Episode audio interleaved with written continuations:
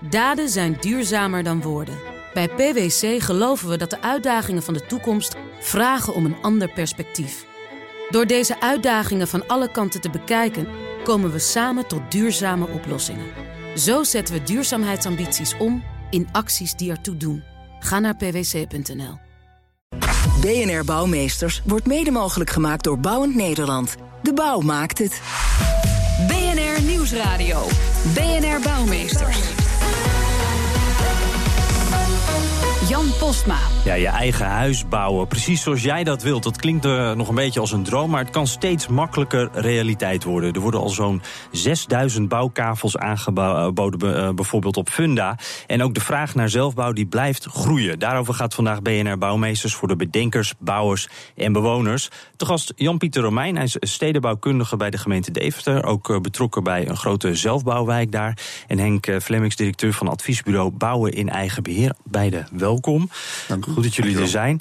Uh, ja, dan wil ik eerst wel eventjes weten. Dit is natuurlijk de vraag die je aan had zien komen. Uh, woon je eigenlijk zelf in een uh, zelfbouwhuis? Henk Flemings? Nee. Nee, hoe Nee. kan dat? Nou, dat heeft meer met persoonlijke omstandigheden te maken. De, de woning waar ik nu in woon is dermate goed gelegen en eh, van een dermate prijsniveau dat het. Eh, met, met alle aspecten die erbij zitten, in het groen, vlak bij de binnenstad enzovoort. Dus dat is eigenlijk niet nodig in nee, jouw geval? Nee, nee, mijn mede-collega's, uh, directeuren van mijn bedrijf, hebben allebei wel zelf deelgenomen in het CPO-project en wonen daar nu ook inmiddels Ja. in. Uh, Jan-Pieter, uh, wat geldt voor jou? Voor mij geldt eigenlijk hetzelfde. Ik heb, uh, uh, wij wonen nog niet in die ideale woning uh, die we zelf hebben gebouwd. Dus maar... alle reden om dat dan toch te ja, doen, toch? dat is zeker wel de droom inderdaad. Of zelf iets bouwen of, of iets vinden wat je toch voor 80% naar je eigen hand kan zetten. Dat is wel een. En wat houdt je nu dan nog tegen? Uh, op dit moment de verkoop van onze woning vooral. Oké, okay, ja, ja. Nee, maar dat, nee, dat is wel een concreet, uh, concreet plan. Uh, ja. Dus die droom die zou er wel kunnen komen? Ja, dat is wel, ja die gaat er zeker komen. Ja. Henk Flemings, hoeveel ruimte is er eigenlijk op dit moment in Nederland voor, voor zelfbouw? Worden al, er zijn heel wat kavels beschikbaar, maar is dat ook bijvoorbeeld in procenten een beetje uit te drukken? Nou, het beleid van de, van de overheid was om uh, minstens 30% in, in particulier opdrachtgeverschap of collectief particulier opdrachtgeverschap te doen. Mm -hmm.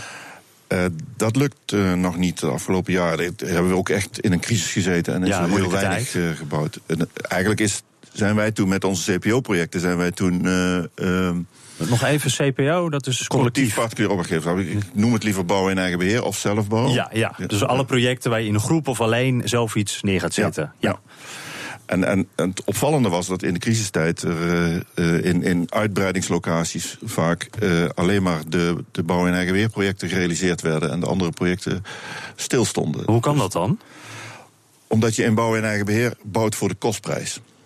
Dus je betaalt alleen maar wat de grond kost, je betaalt wat alle adviseurs kosten en je betaalt mm. de aanneemsom.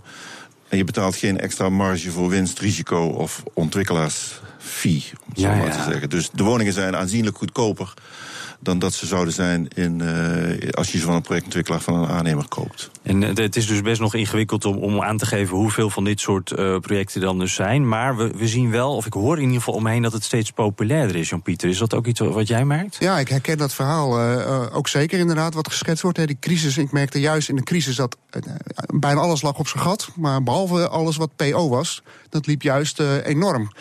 Uh, uh, mensen investeren hun eigen geld in een eigen project. En uh, dat is blijkbaar toch makkelijker dan een, dan een ontwikkelaar die kijkt van ik moet eerst 70% verkocht hebben en dan mm -hmm. ga ik pas iets, iets doen. Ja. En nou, ik denk dat dat ja, heel leerzaam is geweest. En ik merk, ik denk ook dat het uh, uiteindelijk ook een leukere stukje stad uh, oplevert. Ja, in Deventer heeft het ook echt wel wat moois opgeleverd. Ja, in het, ja, het voorbeeld in het, haven, het havenkwartier is een goed voorbeeld daarvan Ja. in Deventer. Daar wordt niet alleen gebouwd door mensen die daar zelf wonen, maar wordt ook gebouwd door ondernemers die zelf hun, hun, hun zaak daar opzetten of een bestaand pand kopen en dat verbouwen. He, het eigen, uh, ja, de, de eindgebruiker, de mensen die daar daadwerkelijk willen wonen, daadwerkelijk willen werken en ondernemen. Die, die nemen vooral het initiatief in dat gebied. En die Mhm. geven dat gebied vorm. Nemen verantwoordelijkheid voor de openbare ruimte samen met de gemeente. En uh, ja, je ziet eigenlijk dat zo'n gebied juist daardoor eigenlijk heel veel karakter uh, krijgt. Een onderscheidend karakter ook. Ja, want dat, dat, daar ben ik dan wel benieuwd naar. Want ik denk dan ook bij zo'n zelfbouwwijk, eh, daar zitten ook vast wel wat, wat gekkige dingen tussen. Is dat in dat geval ook? Wat is het gekste eh, wat je hebt eh, neer kunnen zetten daar? Nou, een van de, nou, ik heb het er zelf niet in gezet. Nee, maar, maar- maar... het leuke is dat inderdaad. Het, het, ik heb gemerkt dat het echt, echt creativiteit bij mensen losmaakt. En eh, iemand heeft daar een geweldige woning gebouwd. En bovenop die woning een zeecontainer gezet. waar hij zijn muziekstudio heeft gemaakt. En Ah. eh, met, eh, met, met, zijn, met zijn maatjes zijn muziek maakt. Of ja, dat soort, dat soort dingen zie je gebeuren. Maar, maar even voor mij, dat is dus echt een normaal huis, zullen we maar zeggen. En er staat een zeecontainer ja, op. nou, die woning is zelf al super cool. Maar Ja. daarbovenop staat een knalgele zeecontainer. Dan inderdaad met een groot glazen pui. Dus ja, als je s'avonds langsloopt, dan kan je hem bij wijze van spreken zien gitaar spelen, zeg maar. Ja. Ja. boven op het dak. En niet horen, neem ik aan. Dat En zal niet dan, horen, eh, nee. nee. eh, Henk eh, Flemmix, eh, wat is het gekste wat je hebt gezien in, eh, in, in projecten? Ik vind een bouwcontainer al best wel eh, apart, zullen we maar zeggen. Ja. Nou, het, kijk, gekke dingen hangen ook erg af van de mogelijkheid om die gekke dingen te mogen maken. Ja. Eh, dus als je als gemeente strenge eisen stelt aan je stedenbouwkundig plan of aan je beeldkwaliteitsplan, dan mag je eigenlijk niet veel meer dan wat er traditioneel of wat er al gebouwd wordt. Dus Dus zijn gemeentes eigenlijk streng? Sommige heel streng. Ja. Soms, soms is het nodig, soms is het helemaal niet nodig. Het leukste is als een gemeente zegt van hier heb je een locatie en maak er maar iets moois van. Ja. Nou, dat is ons eh, eh, met een aantal starters bijvoorbeeld in Kasteren gelukt, waar eh, gewoon een open locatie was en waar mensen zelf hun plan verzonnen hebben samen met de architect. Ja. En dan zie je dus traditionele woningen die lijken op een langgevelboerderij. Het was een dorp eh, onder Eindhoven. Traditionele woningen die lijken op een langgevelboerderij, maar ook atelierwoningen die er, eh, die er heel anders uitzien. En, en moderne, een moderne variant van een langgevelboerderij. En dan zie je ook dat mensen gewoon hun eigen ideeën daarin kwijt kunnen. En merk je ook dat gemeentes daar misschien wat, wat makkelijker in worden? Dat die dat concept wat meer. eh, dat, ze, dat ze het wat meer loslaten, die regeltjes? Ja, hangt gewoon van de locatie af. Als je Ja, een dat is locatie overal hebt- anders. Ja, dat is overal Ja. anders. Hè. Als je een locatie hebt die in de binnenstad of, of aan de rand van de stad eh, ligt en, en waar eh, de gemeente zegt dat die erg moet lijken vanuit het, eh, het oogpunt van, van monumentale status. Ja, snap wat ik, dan, stond, ja, ja. dan moet je Doe je gewoon wat voorzichtiger. allemaal hetzelfde maken. Ja. Het leukste is natuurlijk als iedereen zijn eigen dingen kan doen. Wij zien het met name terugkomen aan de binnenkant van de woning. Achter iedere voordeur is een woning die door zelfbouw gerealiseerd wordt anders. Eh, er zijn nooit twee dezelfde woningen. Nee. En ik, eh, als voorbeeld heb ik in Rotterdam een project gehad waar iemand drie badkamers maakte. Die vond badderen leuk. dus die wilde wat Die afwisselen. wilde wat afwisselen. nou, dat klinkt sowieso wel goed. Ja. nou, wij waren ook wel benieuwd. We blijven even aan de buitenkant nog. hoe- zo'n wijk er dus nu uitziet. En wat voor bijzondere huizen je daar tegenkomt. Onze verslaggever Martijn de Rijk. Die, die eh, liep daarom mee met wethouder Tjeerd Herma. Dat is eh, door de zelfbouwwijk het Homerus-kwartier in Almere. Klassiek ontwerp met eh eh smeedijzeren balkonleuningen. en daarnaast iets heel anders, toch? Ja, dat is, eh, dat is veel traditioneler. Ook, eh, het is een beetje betonblokkenachtige grijze eh, bouw. Lekker recht toe, recht aan. Ja, daarnaast droomt iemand van nou, een mooie stad in Noord-Holland, Enkhuizen of iets dergelijks. Met een beetje trapgevelachtig dingetje. Ja, en daar- daarnaast zie je weer een eh, wat meer eh, designachtige woning... eh, die eh, goed in de eh, modebladen heeft gekeken. Eh, en dat als droom eh, heeft gezien. Eh, zo zie je eigenlijk eh, he- hele grote variaties. Aan de andere kant zie je bijna meer villa-achtige eh, kamer. Ja, dat zijn de mensen die eh, van het gooi dromen. Ja, die hebben daar heel andere beelden bij. Dat dat eh, helemaal zelf eh, vrijstaande huizen zijn met eh, grote puntdaken, een beetje een notariswoning. Dus ja, iedereen heeft zo zijn eigen droom, eh, als je het maar kan realiseren. Wat voor type mensen vindt dit nou leuk? Nou, je moet wel eh, zelf wat kunnen, hè, want zelfbouwen betekent wel dat je veel dingen moet doen. Ook wat uithoudingsvermogen moet hebben. En ook een partner moet hebben die, eh, die dat leuk allemaal vindt. Want dat eh, kan wel eens een keer tot stress leiden. Beetje geld hebben natuurlijk. Ook een beetje geld, eh, maar we maken het ook mogelijk voor een kleine portemonnee. Eh, dat heet dan bouw in Almere voor een kleine portemonnee. Het duurt even voordat je van droom naar werkelijkheid komt. Ja. En daar is een mooi gedicht over geschreven. Dat zijn wetten in de weg en praktische bezwaren. Van Elschot is dat. Tussen droom en daad staan wetten in de weg en praktische bezwaren. Eh, en nog een paar versen. En ook weemoedigheid die niemand kan verklaren en die des avonds komt wanneer men slapen gaat. Dat moest ik eventjes opzoeken, maar ik dacht dat wil ik u toch niet eh, onthouden. Allemaal mooie individuele projecten in de wijk, maar hoe zorg je nou voor dat er toch een beetje saamhorigheid in ontstaat? Dat hoor je straks in onze volgende reportage. Eerst wil ik toch wel eventjes eh, van jullie nog horen, eh, Henk, je begeleidt ook dit soort projecten. Ehm, het lijkt mij zo'n groot project om aan te gaan. Ik, ik zou een beetje bang zijn om daarin te verzuipen. Hoe voorkom je dat nou? Waar begin je nou?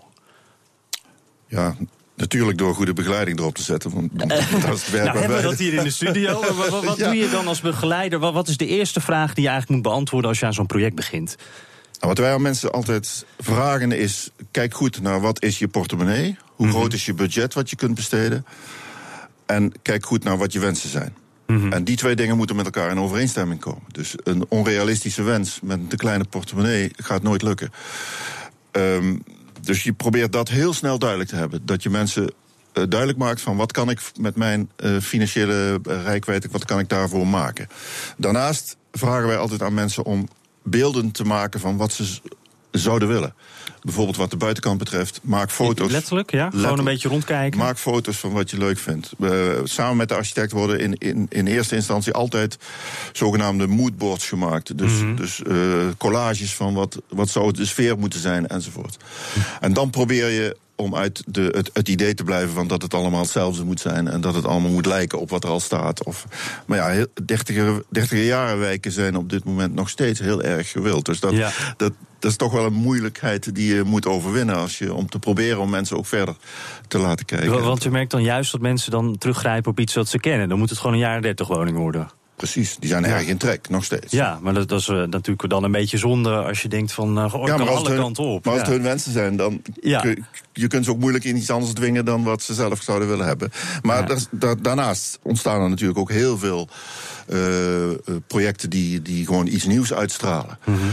En de, met de nieuwste ontwikkelingen die wij zien, is het voorbeeld is co-housing in Eindhoven. Dat is een groep mensen die uh, kinderen hebben of net uit de kinderen zijn of daar net aan willen beginnen. Een heel diverse groep, die, bijna doorstromers, die gewoon met elkaar zeggen van wij willen niet alleen een eigen huis maken, modern, waarin wij uh, ons droomhuis herkennen, maar mm -hmm. ook een, een, woonomgeving samen maken. En waarin wij, in plaats van dat we uh, bang zijn dat we onze kinderen buiten laten spelen, onze kinderen de vrijheid geven. Nou, en, die en maken, hoe hebben ze dat gedaan? Die maken dus bijvoorbeeld een, samen een, een woonomgeving waar de auto eigenlijk verboden is, hebben ze zelf. Ja, ja, daar kies je dan als wijk kies je dan als wijk voor. Dus je maakt daar zelf je eigen uh, woonomgeving. En, ze maken gezamenlijke uh, onderdelen van het plan. Een gemeenschappelijke ruimte, gezamenlijke fietsstallingen, et cetera, et cetera. Zodat ze wat meer kwaliteit hebben.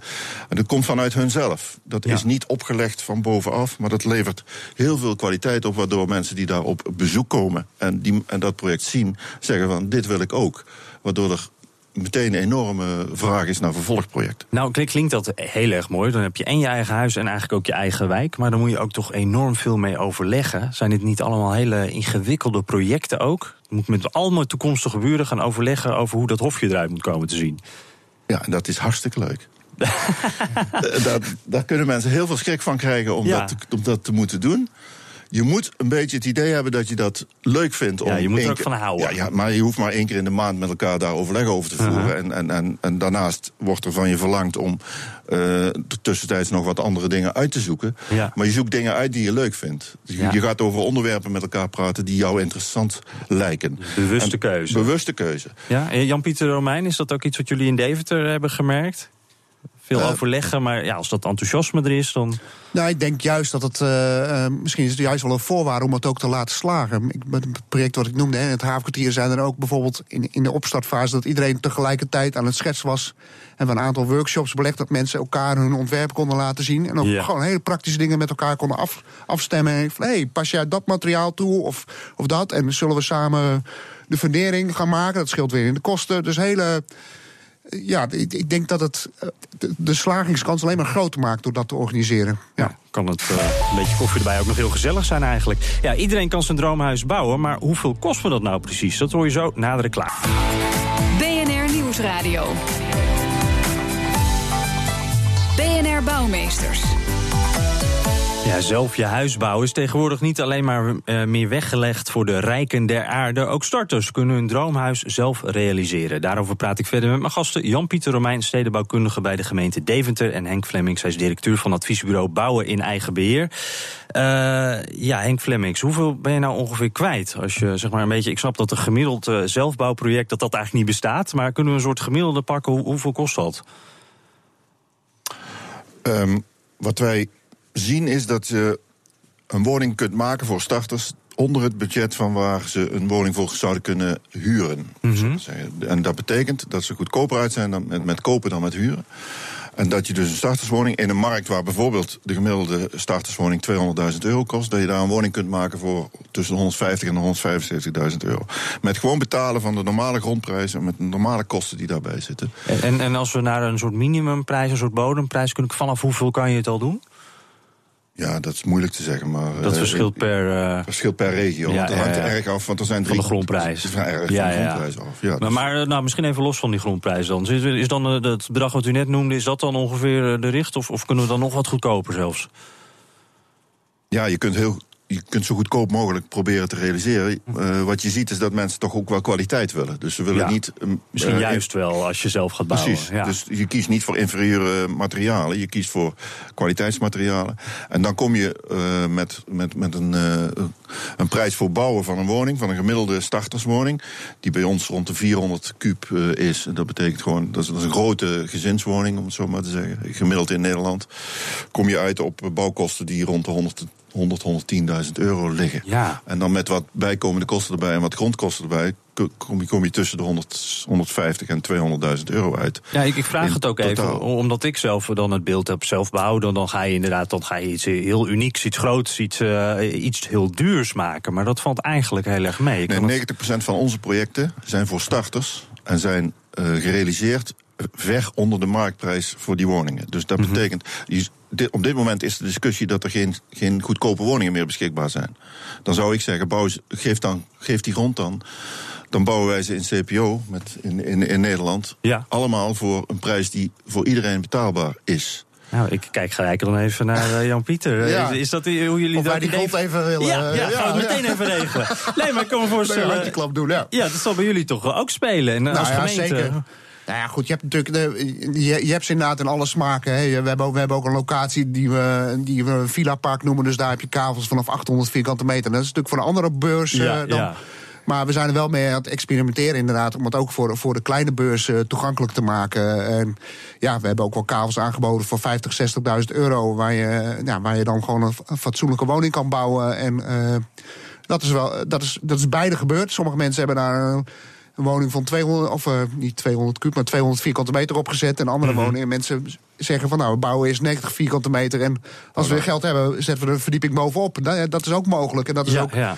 Denk ik, ook weer heel erg leuk om dat, eh, eh, om dat te zien. Een beetje Egypti- Egyptische toestanden zijn dat bij wijze van spreken. Nee, hè. hoe Dus- bedoel je? Dat, eh, Nou ja, van die, van die doorgroeihuis of zo. Dat zie je. in, Oh, eh, zo, ja, ja. die, dat je eh, ziet, er kan nog wat bovenop. Daar kan er Ja, wat bovenop ja. komen. En, eh, het- ja, Ik dacht, eh, ja, ik zat al aan piramides te denken. Nee, maar dat, oh, eh, ja, nee, ja. we gaan iets, iets moderner, zeg Ja, maar, in. Egypte. Ja. En we gaan even terug naar het uh, Homerus-kwartier in Almere... om te kijken hoe ze daarvoor hebben gezorgd... dat de wijk ook een beetje een, een eenheid is geworden. Hoe zorgt u er nou als gemeente voor dat het een beetje toch een, een eenheid wordt, zo'n wijk? Dat doe je door eh, van tevoren goed na te denken hoe de wijk er dan uit gaat komen te zien. En de variatie ook in verschillende typologie en ook eh, inkomensgroepen die daarin kunnen eh, terechtkomen. Nadeel van zelfbouw is wel dat het allemaal eenpitters zijn. Eh, en dat mensen heel erg gericht zijn op hun, eh, eh, op Hun eigen dingetje. Hun eigen ding. Ze hebben wel een enorme binding met dat ding. Hè, want ze hebben er enorm voor geknokt eh, om het mogelijk te maken. Maar daarmee heb je nog niet een binding met de wijk. Dus je moet Nee, sterker nog, de, de buurman die heeft een ander dingetje... en dat is geen porum. Nou ja, dus eh, als jij een droom hebt en je wilt realiseren... dan kan die droom van je buurman een heel andere zijn... waar je dus eh, eerder, eerder een nachtmerrie van krijgt. Eh, dus dat hoort erbij. Wat zijn nou de voordelen nog van zo'n wijk... voor, eh, voor een gemeente als Almere? Nou, eh, maar misschien ook wel voor het land, denk ik. Van, eh, er wordt, eh, vind ik nog relatief weinig zelfbouw. Als, eh, dat is best wel lastig in heel veel gemeenten om dat te realiseren. Het is redelijk crisisbestendig, hè, want tijdens de crisis werd hier nog wel gebouwd. Particulieren konden wel bouwen, dat zag je hier ook. En dat is belangrijk. Het is over het algemeen goedkoper, want allerlei eh, lagen die er bij de bouw betrokken zijn, die, niet, die verdienen er niet aan. En projectontwikkelaars? En wat ik nog veel belangrijker vind, is mensen zijn zelf aan zet. Ze zijn zelf aan het stuur. Dus de eindgebruiker bepaalt wat er gaat gebeuren. Jij bent de baas. Ehm, en dat, die, die ruimte eh, bieden we. De, deze wijk is van de, de mensen die zelf aan zet zijn en aan het stuur zitten. Ja, verslaggever Martijn de Rijk in gesprek met wethouder Tjeerd Herma in een zelfbouwwijk in Almere. Uh, Jan-Pieter Romein, um, ja, ik, ik, hoor eigenlijk verschillende dingen over de, de, de zelfbouwers. Om even te karakteriseren, dat zijn mensen die uh, passie ervoor hebben, enthousiast zijn, die willen dit heel graag, die willen ook best een beetje overleggen. Uh, maar ik kan me ook voorstellen dat die dingen wel eens een beetje botsen. Dat je aan de ene kant je eigen droomhuis wil bouwen, aan de andere kant wil je ook invloed op je omgeving hebben. Zijn dit nou, nou teamspelers of zijn het meer mensen die een beetje toch solo hun eigen plannetjes erdoor willen krijgen? Ja, toch, toch beide maar, om maar een genuanceerd antwoord te geven. Ik denk dat je inderdaad, uh, je hebt de groep die, die, het, die de passie heeft... en dat zit dan misschien meer in die CPO-sfeer... of mensen die woning aan woning bouwen, zeg maar... die echt het leuk vinden om echt samen te bouwen. Maar je hebt ook de meer individualisten die zeggen van... ik wil mijn eigen stukje grond en mijn eigen droomhuis bouwen. En uh, ja, het huis van de buurman moet er ook een beetje netjes uitzien. Maar ja. ik vind vooral mijn eigen huis het allermooiste. En en die mensen hebben juist misschien helemaal niet zoveel behoefte aan overleg. En die willen, uh, ja, die willen gewoon een droomhuis neerzetten. En die willen die vragen van de gemeente: nou, leggen jullie alsjeblieft een mooi stukje openbare ruimte aan. En, uh, dus, ja, en de rest vullen we wel in. De rest vullen we zelf wel in. Uh, dus ja, dat, dat, dat, dat, die heb je in alle smaken toch. Je, hebt, je hebt inderdaad de categorie die dat overleg wil. Of, en dat, dat die, die rol ook opeist, bij wijze van spreken. Mm -hmm. Maar je hebt ook de meer individualistische zelfbouwers. Ja, ja. Uh, Henk Flemings, merk je eigenlijk ook dat uh, de aannemers met name daar ook al een beetje op inspelen, op deze zelfbouwtrend. Ik, misschien moet ik eerst even wat anders. Ik denk dat je als aannemer wordt ook wat meer van je gevraagd, toch, denk ik, met dit soort projecten. Ja, er wordt van de aannemer gevraagd om, om, om, om zich te kunnen organiseren. En om, want, want je ziet dus dat iedere woning aan de binnenkant anders is, aan de buitenkant vaak ook anders is. Dus dat mm -hmm. moet gewoon geregeld en gepland worden. En aannemers die. Uh, van, of gewend zijn om 40 woningen te maken in de rij en dan die allemaal hetzelfde te zijn, die zijn niet geschikt om dit soort projecten te doen. Nou is dat in de aannemerswereld de laatste jaren heel erg veranderd. Ja, zie je ook wat meer klantgerichtheid daarin? Dus, ja, dat is, dat is een soort automatisme. Want ze hebben gezien dat voor de, voor de crisis was het geen probleem. Was, werd alles afgezet, werd alles verkocht. En ze zien dus dat er vraag is om meer naar de klant te kijken. En, en dus consumentgericht bouwen, zoals dat zo mooi heet, dat, mm -hmm. dat, dat is uh, een automatisme geworden. Iedere, aannemer, al, uh... iedere aannemer doet dat tegenwoordig. Het wordt zelfs erg verwacht. Het wordt vaak verwacht met zelfbouw of met CPO. Dus daar wordt door de aannemer gezegd, dat doen wij ook. Dat, dat is een soort, ja, hoe noem je dat zo moeilijk? Contradictio in termen. Ja, ja, ja. Een, een aannemer of een projectontwikkelaar kan geen CPO doen, want die hebben een andere pet op. Natuurlijk, ja. Dus, ja, dus, het, uh... dus je ziet vaak dat, uh, dat, is, dat is nog wel de kritiek die ik op gemeentes soms heb, is dat ze zich weer laten verleiden om naar de aannemer te gaan, die dan uh, hen de moeilijkheden uit handen neemt, zogenaamd. Nou, ook een beetje outsourced eigenlijk. Yes. Ja, nou Jan-Pieter, uh, is dat iets wat in Deventer ook is gebeurd? Nou, valt wel op mee. Nee, dat herken ik niet, uh, niet meteen. Ja. Maar we hebben wel, nou, in dat voorbeeld van Havert, die hebben wel, uh, dat is misschien een collega van jou, hè, een andere uh, bouwadviesbureau erbij gehaald. Die, die, die heeft mensen inderdaad geholpen om ja, terzijde te, te staan over advies over, over geld, over bouwtechniek en.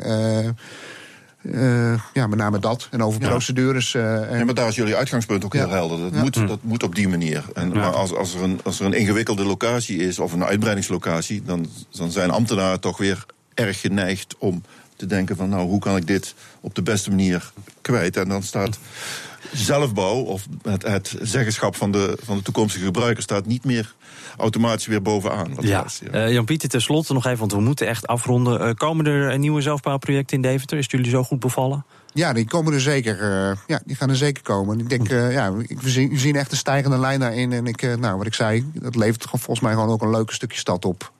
Ja. Kijk, en dat, daar zijn we allebei bij gebaat natuurlijk. Ja. Dank Jan-Pieter Romein, stedenbouwkundige bij de gemeente Deventer... en Henk Flemings, hij is directeur van het adviesbureau Bouwen in Eigen Beheer.